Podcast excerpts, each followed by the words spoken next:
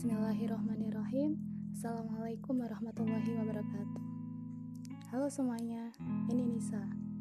Cerita Random Nisa.